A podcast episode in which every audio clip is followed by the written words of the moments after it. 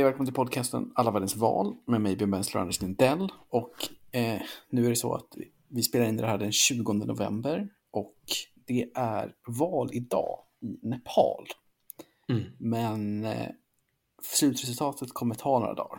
Så det kommer liksom inte vara inaktuellt för den som var orolig för det. Nepalesisk politik är aldrig inaktuell. Det är ett odödligt avsnitt. Det som också händer idag är ju att eh, fotbolls-VM drog igång i Qatar. Det kanske de som lyssnar på den här podden nu har större koll på än att det var val i Nepal. Men det finns faktiskt en ganska tydlig koppling mellan Qatar, fotbolls-VM och Nepal. Och det är att som kanske många vet så har de här fotbollsarenorna i öknen inte byggts av katarier utan gästarbetarpopulationer har gjort det. Och en av de största grupperna som har varit där är nepaleser. Även en av de största grupperna som har liksom dött under arbetet eller fått skador är från Nepal. Och Mm. detta beror på att Nepal, den största enskilda källan i deras ekonomi, är det som kallas för remittance, det vill säga att man jobbar utomlands och skickar hem pengar. Det vanligaste är att man är i Indien, som ju är ett grannland, men sen efter det så har det varit Qatar som har varit den liksom, stora marknaden. Så fotbolls-VM slänger en skugga över Nepal och det nepalska valet kanske till och med. Det tyckte jag var liksom lite intressant att de här två sakerna hände på samma dag. Ja, Vad säger du Anders? Ja, men absolut. Det tycker jag är en, eh, det, det är spännande att det hör ihop. Tycker jag verkligen. Eh, Och också att det är som du säger, att det inte bara det är så tvåeggat för Nepal också. Alltså det är inte alls samma debatt om hur hemska förhållanden är liksom, som i Sverige i Nepal eftersom i Nepal så är det också en enorm intäktskälla att eh, folk är där och jobbar och skickar hem pengar. Eh, och jag såg att det var, jag såg att man i år för första gången kom över att det var en biljon rupees som har skickats in, så man spräckte den, den vallen. Och nu minns inte, jag vet inte exakt hur, vad en rupee är värd. Men det som man kan ta med sig från det är att det är i alla fall det- är större, en större bransch än någonsin i Nepal. Alltså, eh, eller en större intäkt än någonsin. Just med de här eh, betalningarna som kommer från diasporan.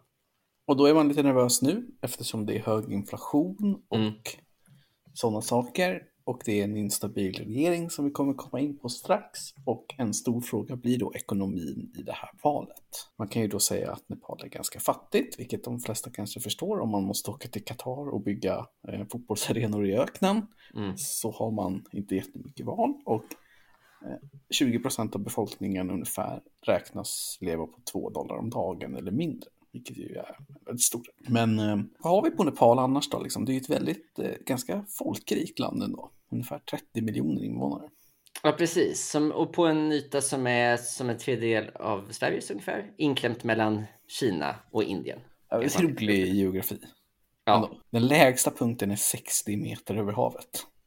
Och ja, den högsta är världens högsta punkt. Det vill säga uppe på Mount Everest. ja.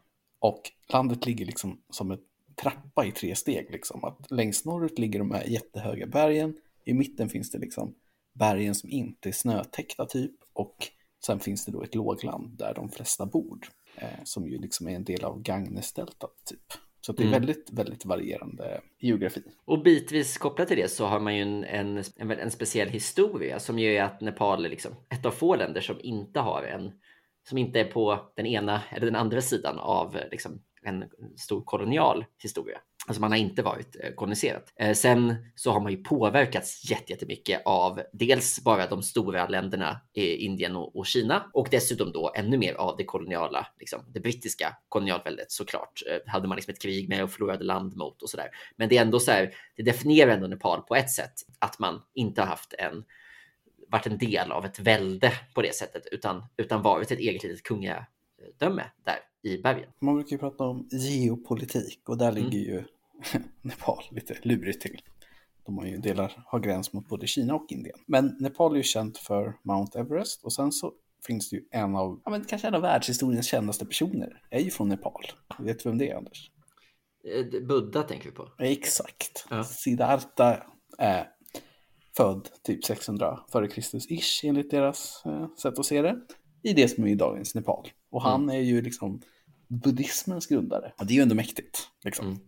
Det är ju det är få människor som kan mäta sig med hans eh, kändisskap får vi väl säga. Ändå känns det som att det också har funnits, alltså jag tror att Nepal har haft liksom hinduism som Ja, de är ju fortfarande dominant liksom. där. Ja. Jag kan tänka mig att de ändå inte, inte ogillar att eh, ha liksom claimen på buddha. Det, nej, det får man tänka sig. De har ju en hur lång historia som helst, men typ mitten av 1700-talet blir det någon slags monarki som sen håller i i typ nästan fram till nu. Ja, och den, den liksom utmanas. Eh, alltså såklart fanns det en, en demokratisk rörelse mot den också som kommer igång, men på, i slutet på 90-talet så bryter vi ut ett inbördeskrig där eh, en liksom maoistisk eh, gerilla, bland annat då, alltså med, med målet att göra en liksom att omdana eh, liksom hela statsskicket. Ja, det brukar de ju ha va? Det brukar man, precis. Eh, och så, så har man, startar man den gerillan, och som, eh, det här gerillakriget som sen pågår i ungefär 10 år och eh, kostar 18 000 liv ungefär. Eh, så, en ganska, så en ganska blodig konflikt som ju egentligen inte slutar i liksom, den mattas av lite grann och sen får den en, en fredlig eh, lösning på så vis att man tillsätter en en, ny konstitutionell församling som tar fram en ny konstitution som avskaffar monarkin och inför en, en republik som är det man har idag istället. Ja, och man, det känns ju ändå som att eh, olika sidor av det här kriget finns ju representerade i parlamentet idag. Absolut, absolut. Det kommer vi komma in på. Men Maoistpartiet är eh, absolut alive and kicking och dessutom någon typ av kingmaker idag i parlamentet. Så det, men det kan Han har ju bytt sida under den. mandatperioden till och med. Precis, precis. Men, Men, eh, men det kan vi gå in i detalj sen. Men, Demokratiseringen kom ju igång efter Indiens demokratiserande. ja, Så att liksom när Indien, Bangladesh och Pakistan blir demokratier så blir det liksom omöjligt för ja, monarkin att hålla ihop det helt där. Mm. Så att det är liksom i den, sen kommer monarkin tillbaka och gör en com- comeback och så. Och sen just när vi snackar om Nepals monarki så när man läste på om det här så händer det ju då, alltså det är en helt otrolig historia. Mm. Eh, 2001 så hände det liksom en massaker inne i kungapalatset i Nepal. Där, som har väldigt mycket, som vi säger innan, att det finns väldigt mycket med fog konspirationsteorier kring det här. Och man skulle fan egentligen kunna göra en podd bara om det här. Men Mm. Så här är det ungefär det som allegedly sker. om, vi var en, om vi var en true crime-podd hade vi gjort det bara. Mm. Ja, ja, men det som sker är ungefär det här att kungen som heter Birenda och hans drottning och sju stycken andra medlemmar av kungafamiljen blir ihjälskjutna med ett automatvapen. Och den som gör det här är kronprinsen som heter Dipendra. Så han mördar alltså sina föräldrar och sina syskon. Och sen skjuter han sig själv i huvudet. Då har han då utplånat eh, nästan hela successionslinjen. Han blir dock kung direkt eftersom han inte dör utan han hamnar först i koma. Och är i koma i typ 4-5 dagar innan han dör. Och sen blev det någon annan släkting på något sätt va? Som Ja, utan Ja. kungens brorsa var ja, suspiciously not there. Mm. Och tar över på tronen. Mm. Och då finns det massor med konspirationsteorier om det här. Till exempel så är då den här äldsta sonen som utförde dådet, han är skjuten på ena sidan av huvudet, men han var ju, handen hade han i motsatt, så att det är omöjligt. Och det gjordes aldrig någon eh, rätts, eh, liksom undersökning, trots att Scotland Yard erbjöd sig att göra det och massa, massa saker. Så det är Mm. liksom, och den här brodern då som tog kungamakten sa att han inte direkt berättade vad som hade hänt för så länge den här Dipendra låg i koma så hade han överlevt så hade det varit omöjligt inom konstitutionen att eh, döma han för några brott. Mm, mm. Så det är du vet det här med att eh, i, kungen i Sverige kan inte dömas Nej, heller. Och, sådär, och så leker man med sådana scenarion. Vad skulle hända om? Ja, jo, här liksom. vad, vad skulle hända om? Så att det var väldigt stökigt. Och det här blev ju säkert då som, som för monarkin försvann ju sen typ tio år senare. Men Ja, det här är sånt som man hör om att det hände liksom för länge sedan. Men eh, otroligt eh, speciell historia. Ja, och det finns ju då givetvis massor med eh, konspirationsteorier om det här. Och med all rätt, för att det är liksom inte utrett på någon slags rimlig nivå. nej. Men eh, sen avskaffar man ju i alla fall monarkin lite senare och så blir det val och så är det ju den konstitution som gäller nu är från 2015. Så att det är ju Mm. liksom valet 17 var det senaste och nu är det val igen. Och då kan vi ju kanske glida in på vad är det för spelsystem som man vill säga. Mm. Det man har valt till, ska vi säga, för det första, det är ju det eh, representanthuset som man kallar det, som ju är ett av de två husen i det här parlamentet. Så att man har då ett överhus som heter nationalförsamlingen eller National Assembly och ett underhus då som heter House of Representatives. Och det här representanthuset det väljs i ett blandat system. Väldigt eh, det är ett kärt begrepp här vi har i alla världens val. Det är 275 platser. Eh, 165 av dem väljs i enmansvalkretsar, alltså den absolut största delen. Och eh, 110 av dem väljs i proportionerligt på liksom partilistor i, i en enda valkrets på nationell nivå. Så att det, det, tanken är väl att det ska ha en utjämnande. Det har vi sett i ganska många länder att man har just den den uppdelningen. Ja, jag tycker den är konstig. Men ja. Den är lite konstig. Den är konstig tycker jag när man har två hus. Att ja, man satsar att, på ett system. Ja, precis. Ja, men eller att man skulle också kunna tänka sig att det där var de två husen. 10, 110 proportionerliga val och 275 i liksom eh, det andra huset då i, i någon typ av enmansvalkretsar. Men istället så är det där är det ena huset, det är det som väljs idag. Och sen så har man en nationalförsamling då som motsvarande det som kanske heter senat i många andra system, som snarare då regionerna som väljer indirekt. Och då är det så att det finns sju regioner eller, eller provinser och de utser åtta representanter var och sen så lägger presidenten till tre eh, extra. Så det är alltså 59 platser i, i det huset. Men det väljs alltså då inte. Eh, det väljs inte idag och det har också precis som i USA ett sånt eh, jag vet inte ens vad det heter på svenska, men alltså man säger ett staggered system, alltså att det väljs bara en tredjedel varje gång. Så att det väljs varannat år väljs det en tredjedel. Jag brukar säga att det väljs med fördröjning eller något. Ja, precis. Det är väl en, en väldigt bra översättning. Så det är det som händer nu. Eh, och sen så väljs ju en, av det här parlamentet så väljs ju både eh, statschefen och regeringschefen. Så att presidentvalet är inte direkt utan den väljs eh, indirekt. Och den indirekta, det är liksom ett, som ett ännu större elektors Eh, liksom system så att liksom flera, även så tillsatta på lokal nivå, är med och väljer presidenten medan det är parlamentet som väljer eh, regeringschefen. Alltså det här är väl det viktigaste valet ändå? Ja, för precis. Executive power. Precis, så att det valet som eh, är idag, den 20, exakt, det avgör eh, underhuset, alltså det här representanthuset, och det är det som avgör vilka som kommer sitta i regering. Eh, så att det, på så vis så är det här det, viktiga, det viktigaste valet och sen så finns det då ett överhus som också har en stor betydelse för hur lagar går igenom och så. Men det är det här, det här valet som kommer att avgöra regeringsmakten. Och apropå det så finns det ett ganska spännande, en ganska spännande sak med eh, Nepals demokratiska system är att man har ett ganska långtgående decentralisering. Eh, för det första så kan man säga att det är en ganska ovanlig sak att man har fyra nivåer. Alltså man har dels man har den statliga nivån, sen under det så har man eh, de här sju provinserna. Sen under dem så har man 77 distrikt och under dem så har man 753 kommuner. Så att liksom det med, multipliceras med 10 varje gång, de här nivåerna. Och även på kommunal nivå, det, det finns liksom fyra sorter kommuner, men det behöver vi inte gå på nu. Men det som är intressant är att även på kommunal nivå har man ett ganska stort eh, beslutsfattande som kan göras. Och det, alltså det är vi ju vana vid att säga att Sverige har ett av världens mest långtgående kommunala självstyren, men eh, Nepal har typ i nivå med Sverige om jag förstår rätt. Och man har till exempel en liten, man har viss lagstiftningsrätt till och med på lokal nivå. Så att det är också en ganska spännande del här. Att liksom, eh, för dessutom, Nepal är ju också så, även om det inte är ett så enormt land till ytan så är det ju ganska besvärliga kommunikationer och det är ju jättesplittrat liksom etiskt. Det finns massa olika språk och så där. Så att eh, på så vis så, så ska man nog förstå det som en del, både liksom i samhället och i konstitutionen. Just den här, det här fokuset på distinkta lokala enheter spelar ganska stor roll i Nepals demokrati. Och så om man ska säga något om hur demokratiskt det är så får man 57 av 100 av Freedom House. Alltså jag tycker man verkar ha ganska orättvist eh, valsystem. Alltså, kollar man på förra valet så fick de som fick flest platser, mm. 33,25 procent av rösterna. Mm. Och de, fick, de som fick näst flest fick 32,8. Men mm. de fick liksom 121 mot 63 platser. Just det. Ja, men det, det, är väl en konsekvens av det här med att det är så mycket ja, ja. enmans, att man har många partier men enmansvalkretsar. Då kan det ju slut på det sättet. Liksom. Ja, men verkligen. Liksom. Så um, att, ehm. det känns inte riktigt som att den här proportionerliga delen gör det som det är tänkt att göra. Nej, den jämnar inte ut så mycket. Det är inte, det är inte Tyskland det här.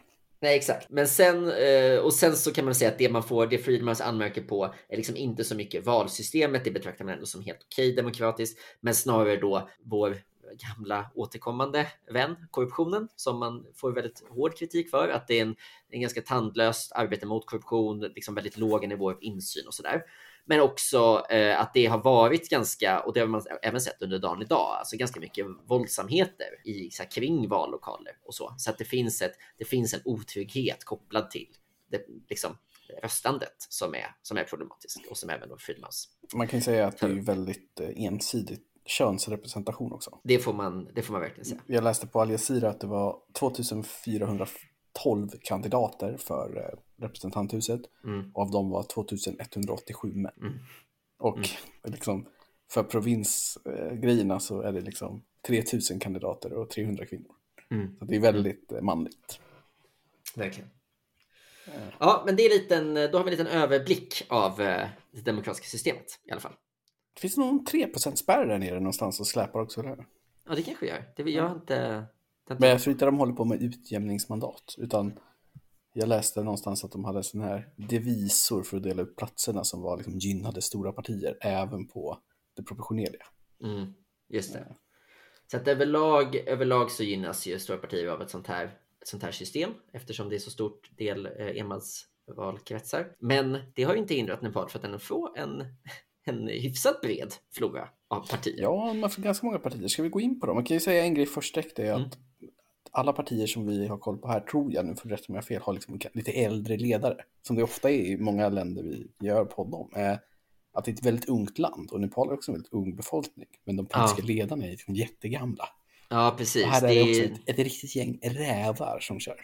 Ja, de är, de är åtminstone 50-talister som yngst. Liksom. Det är inte, eh, det är en, ännu, ännu ingen 60-talist som har varit eh, premiärminister. Ett annat genomgående drag, om man läser en lista, det första man tänker på om man läser en lista på Nepals partier. Vad, var, vad var det som slog dig den första gången du läste det? Eh, Mycket vänsterpartier. Nej, exakt. Allt ser ut att vara vänsterpartier. Alltså just nu så sitter det eh, åtta partier, eller sju, i parlamentet och det är egentligen bara två som inte har ett liksom uppenbart vänsterlutande namn. Och egentligen kan man säga att det bara är ett som är av dem som överhuvudtaget är liksom stort. Så att de andra heter, och det finns liksom tre partier som på något sätt är eh, en, en ursplittring ur kommunistpartiet idag. Men ehm, med det sagt så tänker jag att, eh, att vi tar dem i, jag tänkte fokusera på tre, de tre största. Då tänker du på CPN va? Ja, precis. Eller NPC tror jag man... Nej, just det, förlåt. Det finns det är två olika, precis. CPN är det största partiet. Det är då, eller CPN UML. Så jag kommer gå igenom där. Engelska är ju liksom språket såklart som man använder, så att det är ju enkla förkortningar här. Men det största partiet är, heter eh, Communist Party of Nepal och sen UML, alltså United Marxist Leninists. Så att det är alltså det enade marxist-leninistiska eh, kommunistpartiet. Och de har typ 35 procent av platserna idag och har hyfsat nyligen haft premiärministerposten under eh, KP eh, Olli, som det heter, eller Kadga. Ja, de bildade regering efter valet 17, eller hur? Ja, eh, Ihop med maoisterna i någon slags koalition. Exakt, och de gick också till val ihop med Maoistpartiet CPNMC, alltså kommunistpartiet eh, Maoist Center, eh, inför det här valet. Men eh, maoisterna eh, hoppade av den, den alliansen och bildade istället nu majoritet tillsammans med NPC som heter Nepali Congress. Eh, Och då kan man ju komma ihåg att det he- heter ju även det indiska stora centristiska partiet, heter ju också kongresspartiet. Och det här är partiet som även om de formellt är då, de heter liksom socialdemokrater i sin, det är det de kallar sin ideologi, men de, rollen de spelar är verkligen att vara ett ganska brett ideologilöst centristiskt parti. Så Ja, att, ehm, man kan väl säga att de är ju liksom Indien-orienterade. Ja, precis. Medan då CPN, alltså marxist-leninistiska partiet, är mer då Kina-orienterat. Så det, det är ju en sån konfliktlinje som skär igenom de här två. Eh, som skär igenom nepalesisk politik. Och jag kan säga att de här tre partierna som är, utgör maktbasen, eh, alltså maoisterna, kommunisterna och eh, kongresspartiet, alla de har i närtid haft eh, premiärministerposten på något sätt. Så att det är liksom inte, det, det, inget av de här dominerar överlägset, även om då NPC är de som har det eh, idag. Men man kan ju säga att det verkar inte så otroligt ideologiskt på så sätt att maoisterna kunde överge enade marxist-leninistiska kommunistpartiet för att istället stödja NPCs partiledare Nej. när de så ville det för några år sedan. Så att Ja, det, det, det verkar liksom inte vara, som ofta så i de många länder så är det Mm. ju inte så jäkla ideologiskt utan det är andra saker som styr. ja. Och eh, jag tror att en sån sak som också tonar ner det är ju det du nämnde, att de är väldigt Eh, det är ju ett gammalt garde liksom och, och liksom en, en kanske mycket mer bestående upplevelse i Nepal om man läser lite i nepalesisk press och så är ju snarare att liksom, det är påfallande ideologilöst, att folk har slutat tro på vallöften och sånt där. Men det kan vi återkomma lite till. Eh, premiärminister idag är ju Sher Bahadur Deuba, för att man säger. Eh, han är född 46, apropå det du sa, så han är en bit över eh, 70 nu och gör sin sjätte omgång som premiärminister. Eh, han, alltså, han satt några år på 90-talet, han satt några år i början på 2000-talet, han satt 2004 till 2005 och 2017 till 2018 och nu då. Eh, Sen 2021 sitter han nu. Ja, så att det finns ett. Eh, det finns verkligen en vana vid att byta regering ofta och man har haft tio olika regeringar sedan 2008. Eh, så att typ vartannat år, trots att det då är val vart femte år, Eh, så byter man, byter man regering. Och det man också kan säga apropå det här med eh, ideologi och så, det är att om vi ska nämna ett, ett tredje namn här, nu har jag nämnt både, både den stora kommunistiska partiledaren Olli och den eh, kongresspartiets partiledare Deuba, så är ju Prachanda som är hans artistnamn, eller Nom de Guerre, alltså krigsnamn, Pushpa Kamal Dahal. Han är, är partiledare för maoisterna och han var alltså den som ledde maoisterna i inbördes inbördeskriget. Liksom.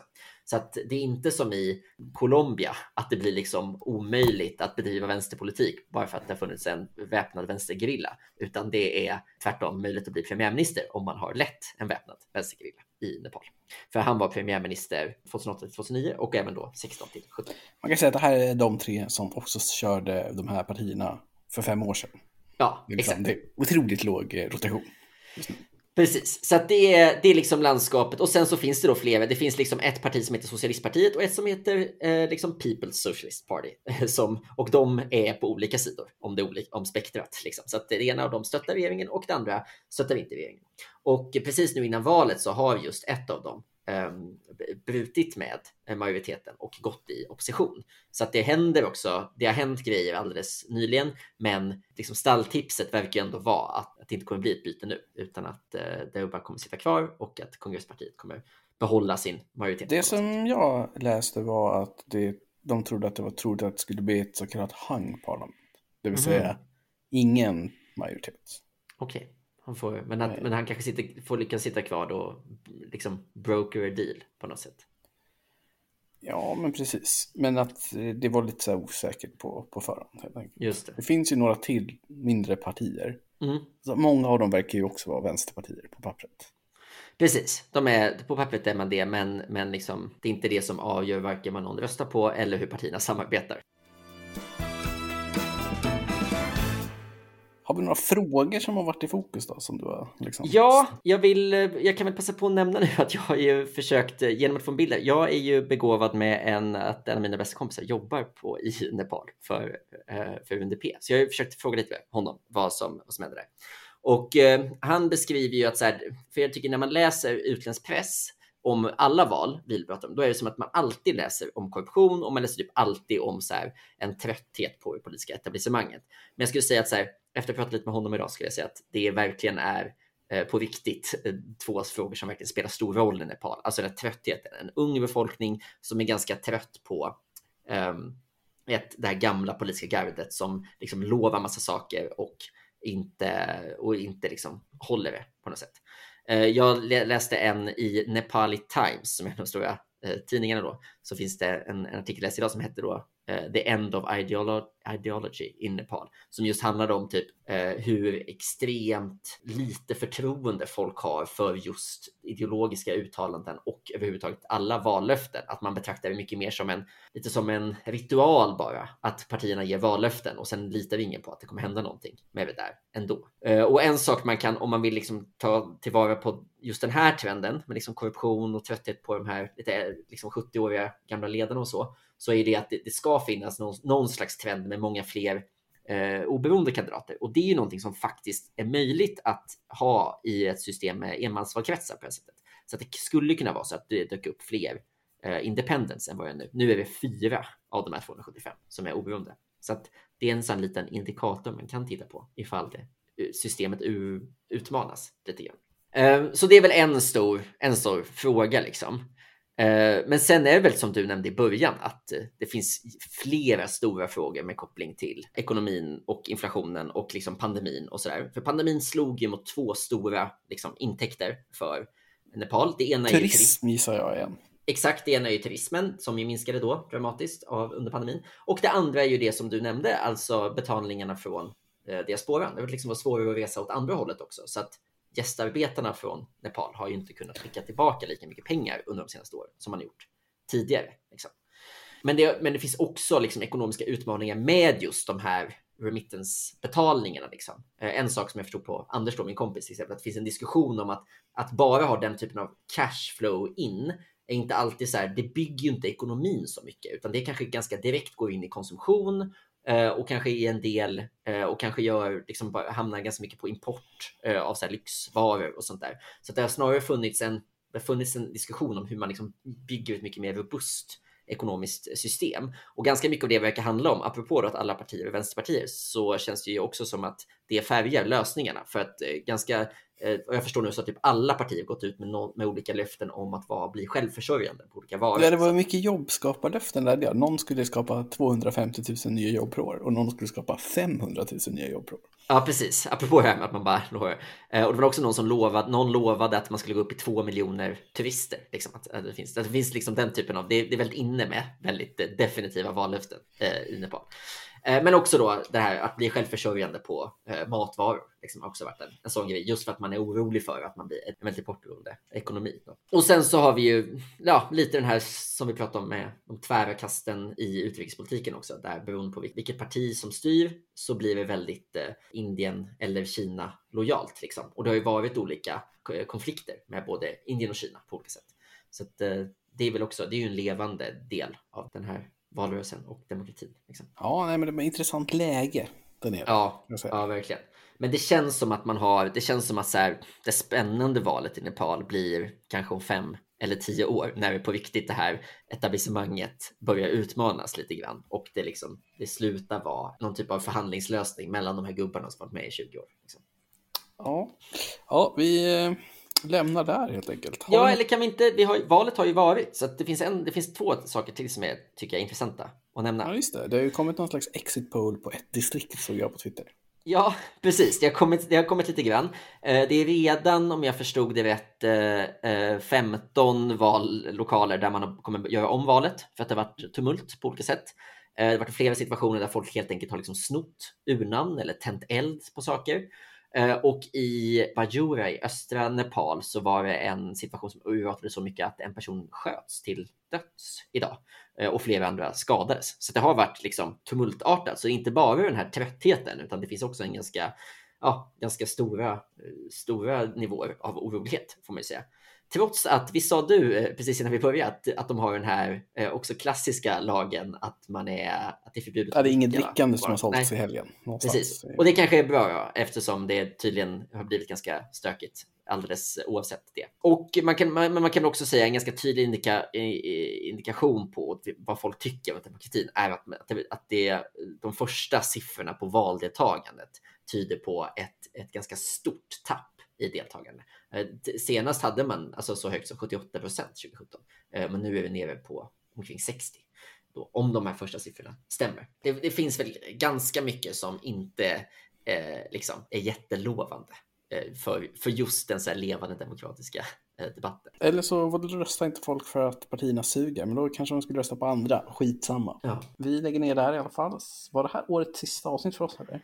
Nej, jag tror att vi har, det finns några till som, eh, som ligger och lurar framför oss. Man kan säga att vi har ju, det har varit en väldigt hekt, hektisk helg så där vi har varit vi är begränsade av våra eh, liv och så. Men det var ju val i Malaysia igår och, det, och också i Kazakstan idag. Som Kazakstan, fan fick 85 procent så det hade inte varit så kul att göra. Nej, precis, men det är en spännande, även om det inte är, demokra är så demokratiskt, så är det väldigt spännande vad som händer i... Malaysia fick ju sitt första hung parliament på hur länge som helst. Ja, precis, och någon typ av, ja, en, och någon, det var ju något, liksom ett nytt parti där, eller något parti som... Ja, det var någon typ av change election, det kanske man skulle ha gjort, men det var, missade man en chans. Så kan det vara. Du och jag har chansen att både besöka det lilla, lilla landet Fiji, i, någon gång i december och sen är det också val i Tunisien sent i december. Så vi har två ja. eh, avsnitt kvar. Och Tunisien blir det garanterat. ja, men kanske ett litet, kanske ett litet miniavsnitt på Fiji. Det var länge sedan vi var i en önation. Ni kan höra av er, så vi är öppna för... Om en enda, om en enda lyssnare hör av sig så gör vi Fiji. Mm, det blir bra, säger så. bra. Ha det bra.